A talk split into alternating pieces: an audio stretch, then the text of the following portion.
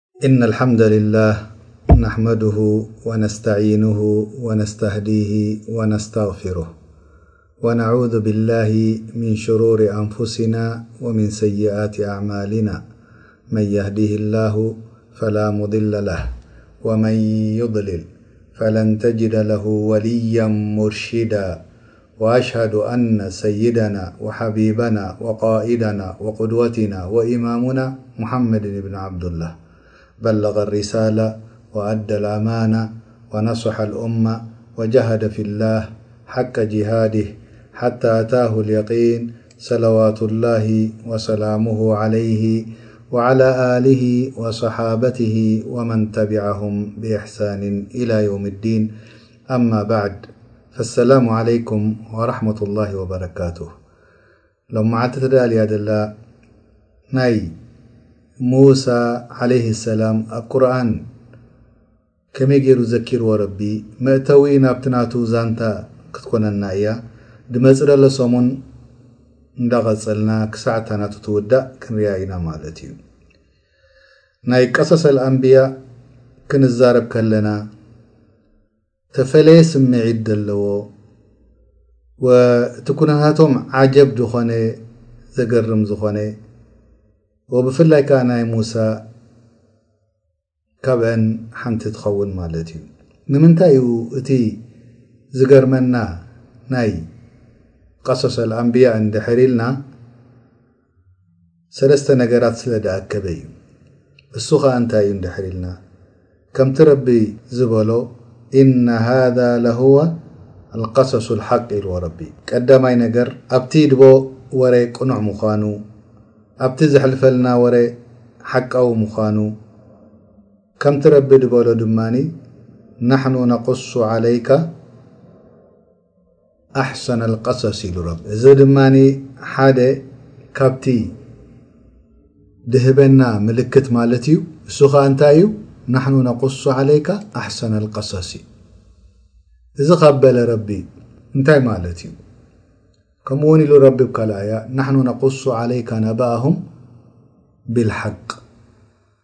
በዘን ክልተ ምኽንያት እዚኤን ረቢ እዚ ሓቃዊ ድኾነ ልበ ወለድ ከምደይ ምዃኑ ገሊጽልና ማለት እዩ። ከምኡ ድማ እቲ ናቶም ዛንታ ናይ ኣነብያት ብምልኦም እቲ ትሕዝትኡ እቲ ሸቶ ክወቕዖ ደልዩ ዘሎ እቲ ላዕሊ ክሰቕለና ደልዩ ዘሎ ብዛዕባኡ ክዛረብ ከሎ ድማ እቲ ድበለጸ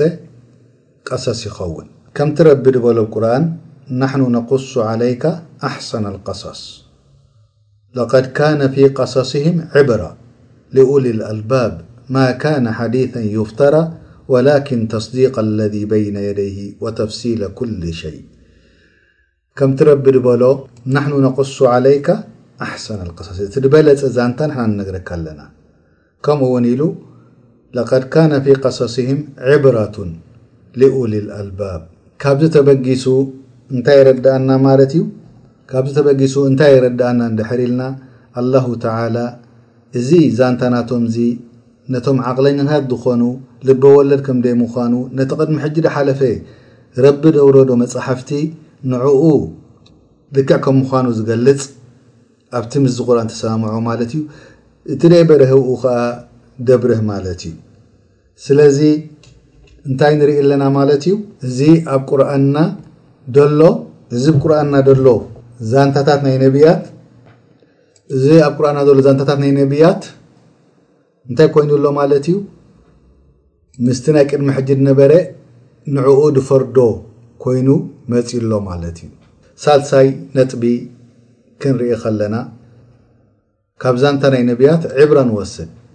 ዕብራ ማለት እንታይ ማለት ይሕዋት ብትግርኛ ሕጂ ዕብራ ማለት ኣብቲ ውሽጥኻ ትምህርትታት ትወስደሉ፣ ካብቲ ድሓለፈ ተማሂርካ ብናቶም መገዲ ተኸትልካ ክትከይድ ካብቲ ተጠንቀቕዎ ክትጥንቀቕ ማለት እዩ። እዚ እቲ ሳልሳይ ነጥቢ ድበና እዩ። ከምቲ ረቢ ድበሎ ወኩለን ነቁሱ ዓለይከ ሚን ኣንባኢ ሩሱሊ ማ ኑሰቢቱ ብሂ ፉኣደክ ከምኡ ድማ ሓደ ካብቲ ጥቕሙ እንታይ ኢና ንረክብ ማለት እዩ እቲ ናቶም ዛንታ ምንባብ እቲ ልብኻ ቀጥ ኣቢሉ ኣብቲ እምነት የትሕዘካ ማለት እዩ። ከምኡውን ፈቅሱሲ ልቀሰሰ ለዓለሁም የተፈከሩን ከምኡማ ንክትሓስብ ሓንጎልካ ንክትመራምር ይደፍኣካ ማለት እዩ። እዚ ሓደ እቲ ቅሰስ ናይ ኣንብያ ወይ ዛንታ ናይ ኣንብያ ብምሉኦም ክኸውን ከሎ ናይ ብፍላይ ናይ ሙሳ ዓለይሂ ሰላም ሓደ ካብዚ ዛንታ እዚ ኸውን ማለት እዩ። እስከ ሕቶ ክሓተኩም ክንደይ ግዜ ተዘኪሩ ዛንታ ናይ ሙሳ ዓለይሂ ሰላም ኣብ ቁርኣንና ሽሙ ክንደይ ግዜ ተዘኪሩ ተኢለኩም ሚእትን ሰላሳን ሽዱሽተን መልሲ ትቡኒ ማለት እዩ እሳናቱ ክንደይ ግዜ መጽያ ተኢልና ካብ ሰላሳ ግዜ ንላዕሊ ትመጽያ ኣብ ርእሲኡ ኣብ ክንደይ ሱራ ተዘኪራ እንተኢልና ካብ ዓሰርተ ሱራ ንላዕሊ ተዘኪራ ማለት እዩ እታ ቅሳ ብሙሉኣ ቅሳኹም ተዛንታ ማለት እዩ ብሓደ ጨንፈር ብሓደ ጨንፈር እንዳገለፀት ብከምዚያ መፅያ ስለዚ ሙሳ ዓለይህ ሰላም ክንደ ግዜ ተዘኪሩ ሚእትን ሰላሳን ሽዱሽተን ሽሙ ተዘኪሩ ቁርን ጠይብ ናይ ሙሓመድ ስለ ላ ለ ሰለም ክንደ ግዜ ተዘኪሩ ቅድሚኡ ከዓኒ ናይ ዒሳ ዓለይህ ሰላም ክንደ ግዜ ሽሙ ተዘኪሩ ዕስራን ሓሙሽተን ግዜ ሙሳ ሚእትን ሰላሳን ሽዱሽተን ክዝከር ከሎ ዒሳ ዓለይህ ሰላም ዕስራን ሓሙሽተን ግዜ ተዘኪሩ ጠይብ ሙሓመድ ሰለላሁ ዓለይሂ ወሰለም ክንደይ ግዜ ተዘኪሩ ኣብ ቁርኣን ሙሳ ክንደይ ግዜ ተዘኪሩ ዒሳ ክንደይ ግዜ ተዘኪሩ ወሙሓመድ ክንደይ ግዜ ተዘኪሩ ሙሳ ሚእትን ሰላሳን ሽዱሽተን ግዜ ሽሙ መጺኡ ቁርኣን ዒሳ ብዒሳ ትብል ቃል ዕስራን ሓሙሽተን ግዜ መጺኣ። ኣልመሲሑ እብኑ መርየም እንድሕር ሓዊስናላ ክንደይ ክትከውን እያ? ኣልመሲሕ ዓሰርተ ክልተ እንድሕር ወሲኽካላ ክንደይ ክትከውን እያ? ሰላሳን ሸውዓተን ግዜ ተዘኪሩ ማለት እዩ። ብመሲሕ ይኹን ወይ ብዒሳ። ሙሓመድ ግን ኣርባዕተ ግዜ ጥራሕ ተዘኪሩ። ጠይብ ጓል ንሰይቲ ብሽማ ተዘከረት መን ኣላ ኣብ ቁርኣን ሓንቲ ጓል ንሰይቲ ብሽማ ተዘከረት መርየም ዓለይሃ ሰላም ኸዲጃ ኣይተዘከረትን ወላ ፋጢማ ብንት ረሱል ኣይዘከረትን ተዘከረት መን እያ መርያም ስለዚ እዚ ኩሉ እዚ እንታይ ጠቕሊሉ የርእየና ማለት እዩ እዚ ቁርን ከምዚ ገይሩ ሚእትን ሰላሳን ሽዱሽተን ግዜ ንኽዝክሮ ንሙሳ ክሳዕ ክንደይ ክብረት ሂብዎ ኣሎ ንዒሳ ሰላሳን ሸውዓተን ክዝክሮ ከሎ ንሙሓመድ ስለ ላ ሰለም ንነብሱ ንሽሙ ሓርባዕተ ግዜ ጥራሕ ትፃሒፋ ኣላ ኣብ ቁርን ስለዚ ባዕሉ ጽሒፎ ዶ ድኸውን ነይሩ ነብሱ ከልዕል ምኸኣለ የሁድ ድጸልእ ነይሩ ዶ ድኸውን ወይ ናይ ሙሳ ነብያት ካልእ ድጸልእ ነይሩ ዶ ድኸውን ነይሩ ሚእትን ሳልሳን ሽዱሽተን ግዜ ኣይምዘከሮን ማለት እዩ እዚ ሓደ ትምህርቲ ክበና ከሎ ብኻልእ ድማ ናይ ሙሳ ዓለይሂ ሰላም ካብ ሰብዓ ግዜ ንላዕሊ ተቕሳ ናቱ ወይ ተዛንታ ናቱ ቁርኣን መጽያ። ንምንታይ እንታይ ጥቕሚ ኢና ክንረክብ? እታ ቀዳመይቲ ሰለስተ ነገር ሒዛ ከም ዘላ ክንርዳእ ንግበኣና። ከምቲ ረቢ ድበሎ ነትሉ ዓለይከ ሚን ነባኢ ሙሳ ወፊርዓውን ቀዳማይ ነባእ ሙሓቀቕ ሓቃዊ ድኾነ ወረ ካልኣይ ወሓዲሱን ሙሰደቕ እቲ እሙን ዝኾነ ዘረባ ወከላሙ ሙወሰቕ እቲ ዘረባ ድማ እቲ ዘረባ ድማ ብፅሑፍን ብኻልእን ተደምደመ ከምቲ ረቢ ዝበሎ ነጥሉ ዓለይከ ምን ነባኢ ሙሳ ወፍርዓውና ብልሓቂ ሊቀውሚ ዩእሚኑን እዚ ከዓ ንመን እዩ ነቶም እምነት ዘለዎም ናይ ብሓቂ ድሓዙ እምነት እዚ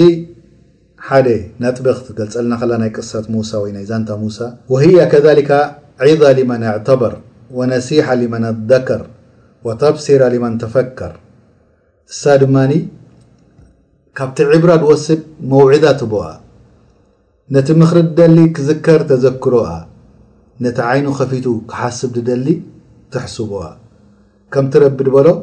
ኢነ ፊ ዛሊከ ለዒብረተ ሊመን የኽሻ ቅሳ ናይ ሙሳ ዓለይሂ ሰላም ምስ መን ኣላ ምስ ፍርዖን ፍርዖን ናይ ምንታይ ምልክት እዩ ኣሕዋት ናይ ሙልክ ናይ መንግስቲ ናይ ሰበ ስልጣን ምልክት ድሓዘ ምስኡ ዛንታ ናቱ ትበና ማለት እዩ ጥራሕ እዚ ድዩ ወኣሕሰን ተፍሲል ገይሩ ረቢ ከኣ ፈትፊቱ ገሊጽልና ወሙበየነተን ኣጅመል በያን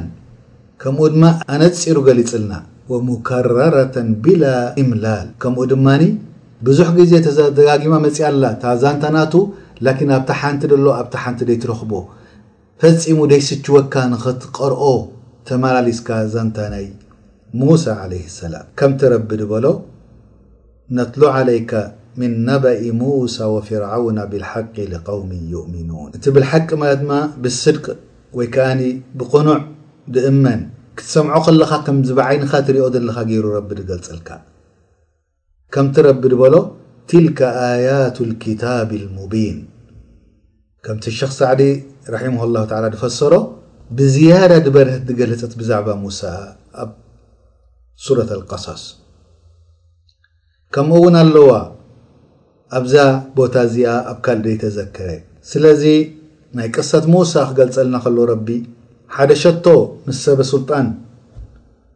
ከመይ ሽግር ይጓነፈና መራሕቲ ዲክታቶሪስ ደለዉ ኣብዛ ዓለም ንሰብ ከመይ ገይሮም ኣብ ባሪነት ይቕይርዎ ከንርኢ ሓዱሽ ነገር ኣይኮነን ሕጂ ድመጸና ኣብ ድኾነ ይኹን ኩነታት ዓለም ደሎ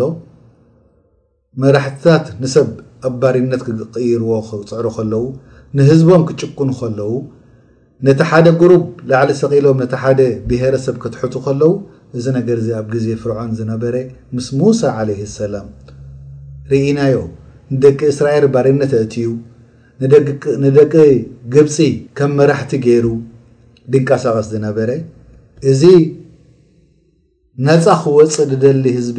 ከመይ ገሩ ከም ድቃለስ ኣብዛ ነገር እዚኣ ንረኽቦ ማለት እዩ ጥራሕ እሱ ድዩ እዚ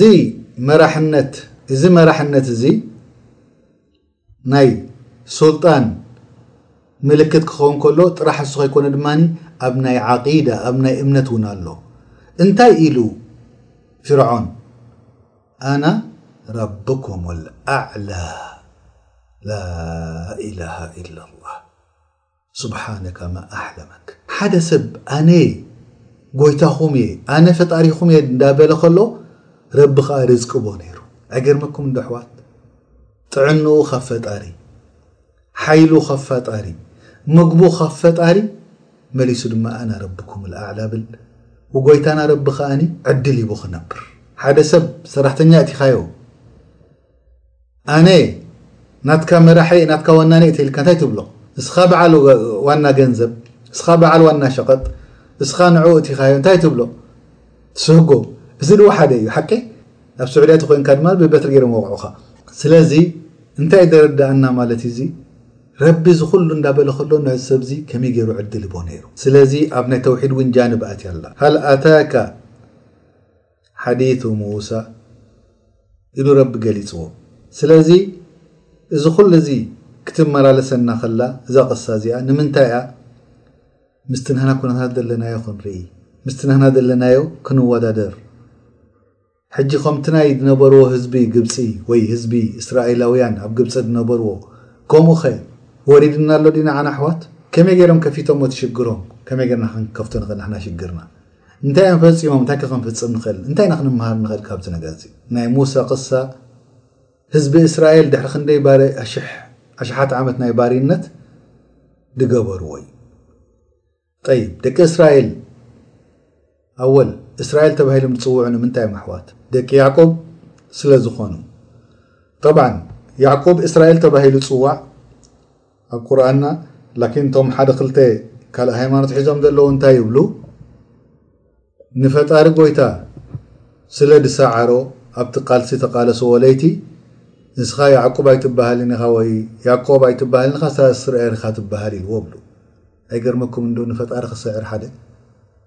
ያ ኣላህ ማ ኣዕዘመ ኣልከሊማ ናይ ብሓቂ ንጎይታና ክሳዕ ክንድዚ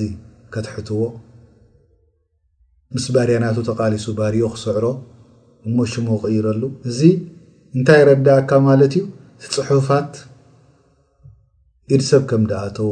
እቲ ጎይታ ፈጣሪ ብሓንጎሎም ከም ድሃነጽዎ እቲ ብናቱ ክብረት ላዕሊ ከም ደይሰቀልዎ ማዕረግ ናቱ ኣትሒቶም ኣብ መሬት ከም ድደርበይዎ እዚ እዩ ዘረዳኣካ ጎይታና ካብዚ ንላዕሊ እዩ ድስዕሮ የለን ዝኾነ ይኹን ዓይነት ፍጡር ስለዚ ንምንታይ እያ ዝበለጸት ቀሰስ ኮይና ተይልና ከምቲ ኢማም ኣሕመድ እብኒ ሓንበል ራሒማሁ ላሁ ተዓላ ዝነገረና ኣሕሰን ኣሓዲት ኣልኣንብያ ሓዲት ተክሊሙ ላሂ ልሙሳ እቲ ድበለጸ ዛንታ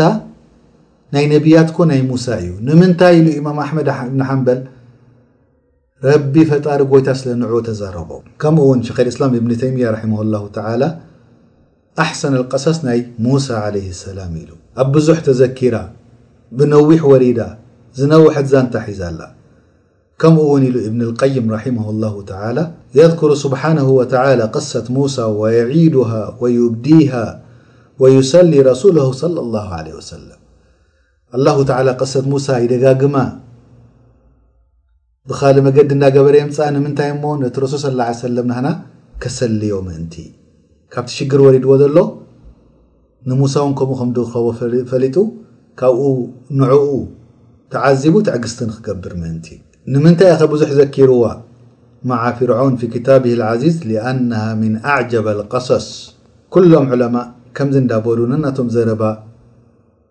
ይዛረቡ እሳ ከኣ እንታይ እያ ገይራ እንተኢልና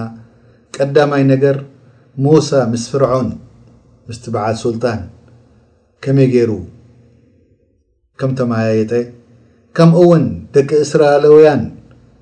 ምስቲ ዕናድ ዝነበሮም ናቶም ከመይ ገይሩ ሙሳ ምስኦም ከምዚ ዳዕዋ ከም ዝገበረ ከምኡ ውን ዝበለጸ ሸሪዓ ክታብ ዝወረደ ካብ ፈጣሪ ተውራት ዝሓዘት ከምኡ ውን ኩሎም ኣንብያ በኒ እስራኤል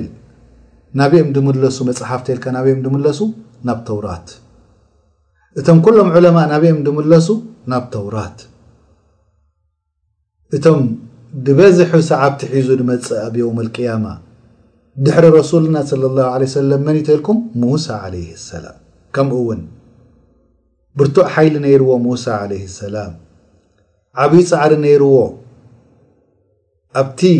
ናይ ምግዛእ ናብ ረቢ ዳዕዋ ንኽገብር ከምኡ እውን ቀናእ ዝነበረ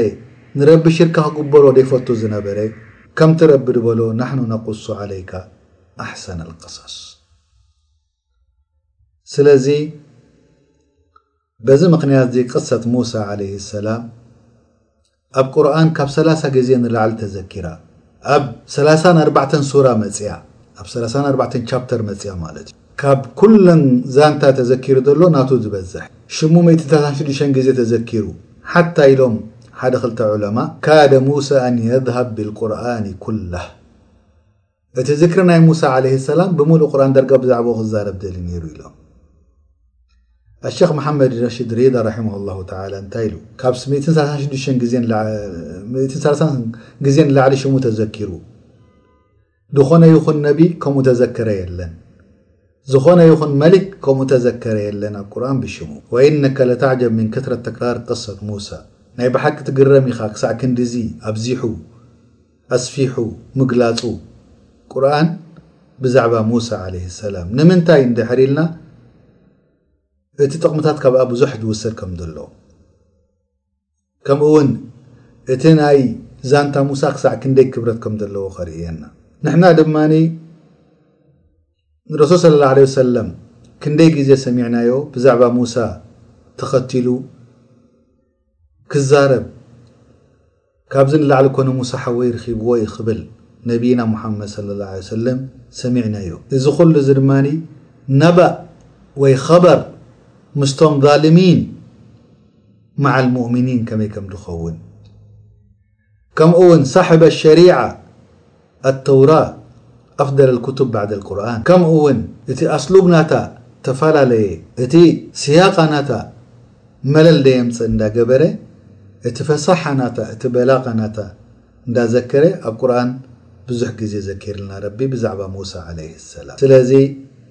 ነዚ ነገር እዚ ርኢና ንሕና ሕጂ ኢንሻላህ ኣብ ድመጽእ ደሎ ብዛዕባ ቅሳ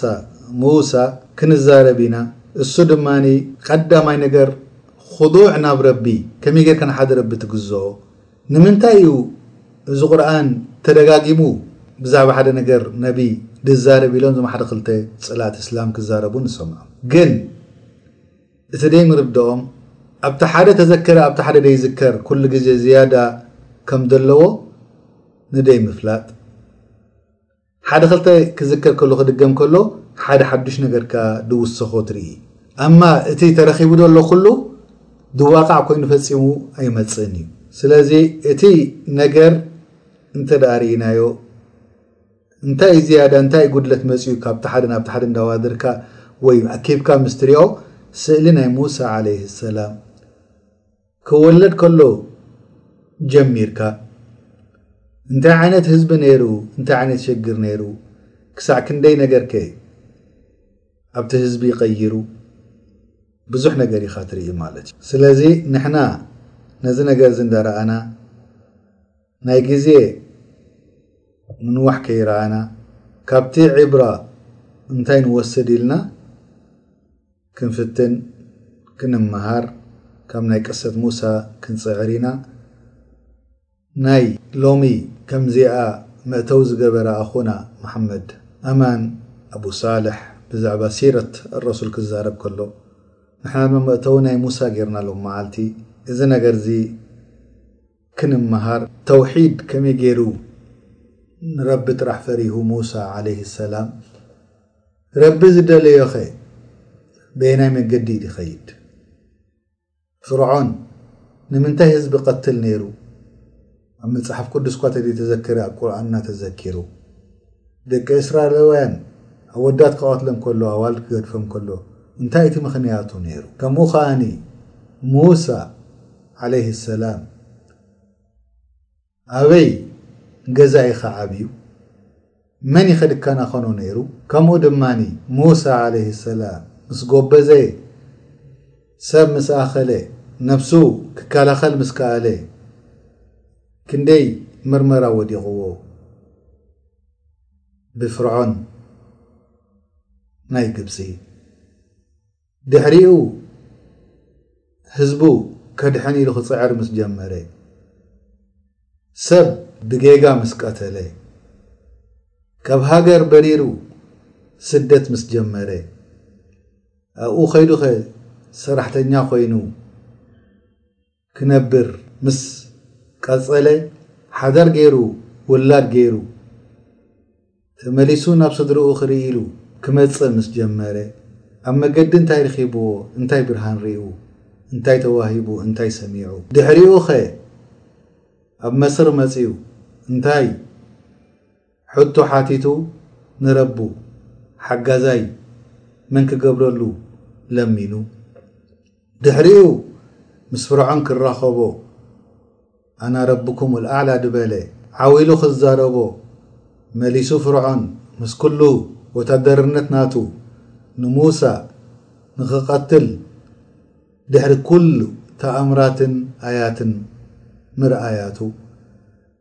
ከምቲ ረቢ ዝዘከሮ ትሽዓተ ኣያት ንሙሳ ወይ ትሽዓተ ተኣምራት ክህቦ ከሎ ነዚ ኩሉ እንዳረኣየ ፍርዖን ክሒዱ ንዕኡ ንክቐትሎ ንተኸተልቱ ክቐትል ምስ ጀመረ ረቢ ንሙሳ እንታይ ኣዚዝዎ? ናበይከ ተጓዒዙ? እንታይከ ገበረ? በየናይ መገዲ ገይሩኸ ባሕሪ ቓላይ ከመይ ገይሩ ተሳገረ? እዚ ኹሉ እንዳረኣና ክንከይድ ከለና ደቂ እስራኣለውያን ባሕሪ ምስ ሰገሩ ምግዛእ ናይ ዕጅል ወይ ናይ ምራኽ ምስ ጀመሩ ሙሳ ዓለይሂ ሰላም ንረቢ ክዛረቦ ቆጸርኡ ኣኽቢሩ ድሕሪኡ ረቢ ፈተና ምርመራ ኣውሪዱ ንህዝቡ ንምራኽ ክግዝኡ ምስ ሓደሩ ሙሳ ተመሊሱ ብሕርቃን ኣልዋሕ መጻሕፍቲ ድወሃቦ ረቢ ኣብ መሬት ደርብዩ ድሕሪኡ ንሓዉ ብጸጉሩ ብጭሕሙ ክጎቶ ምስ ጀመረ እዚ ኩሉ ብዛንታ ትንትን እንዳበልና ኣያት ወይ ሓዲት ናይ ረቢ ረሱል ሰለላሁ ዓለይሂ ወሰለም ዝነገሩና ጭብጢ ማስረጂ እንዳምጻእና እቲ ዘይኮነ በቲ ቅድሚ ሕጂ መጻሕፍቲ ዝተጻሓፈ እንዳነጸግና እቲ ሓቃዊ ድኾነ ፈጣሪ ረቢ ድገለጸልና ቁርኣንና ሓደ ሰብ ዛንታ ድጻሓፎ ከይኮነሲ ረቢ ብ ቁርኣን ዝነገረና ካብኡ ጭብጢ እንዳምጻእና ሙሳ ከምኡውን ቅድሚኡ ሃሩን ድሞቱሉ ዓለይሂም ኣሰላም ጀሚዓን ዕለት ዘኪርና ደቂ እስራኣለውያን ኣብ ሳሕራእ ሲና ድጠፍኡሉ ንኣርባዓ ዓመት ዝኣክል ሓሊፍና ሙሳ ዓለይሂ ኣሰላም ዝሞተሉ እዋን ዘኪርና እዚ ኩሉ እዚ ደርሲ እዚ ድማ ኣብ ድመጽእ ደሎ እዋን እንሻኣላህ ኣብ ሰለስተ ወይ ኣብ ኣርባዕተ ባርት መቂልና ክንዛረብ ከም ምዃንና ክሕብረኩም ፈቱ ክሳዕቲ እዋንቲ ረቢ ጥዕናን ዕድመን ክህበና ከምኡ ድማ ፍልጠት ባዕሉ ሓንጎልና ክኸፍተልና ካብቲ ድሓዝናዮ ድማ ዛንታ ትምህርቲ ወሲድና ኣብ ግብሪ ከነውዕሎ ክገብረና ንረብና እንዳ ለመና ሎምዓልቲ ብሕጽር ድበለ መምርሒ ኣብዚኣ ጠው ክብል ድመጽእ ደሎ ሰሙን ኢንሻላህ ብዛዕባ ቅሰት ኣንብያእ ሙሳ ዓለይሂ ሰላም ፓርት ዋን ትብል ንክንጅምር ረቢ ይካኣለና።